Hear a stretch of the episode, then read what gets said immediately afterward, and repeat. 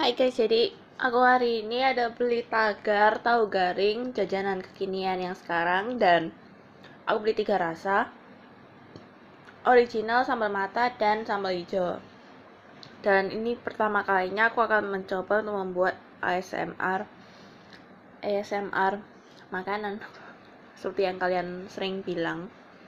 Dan banyak yang seneng dengerin.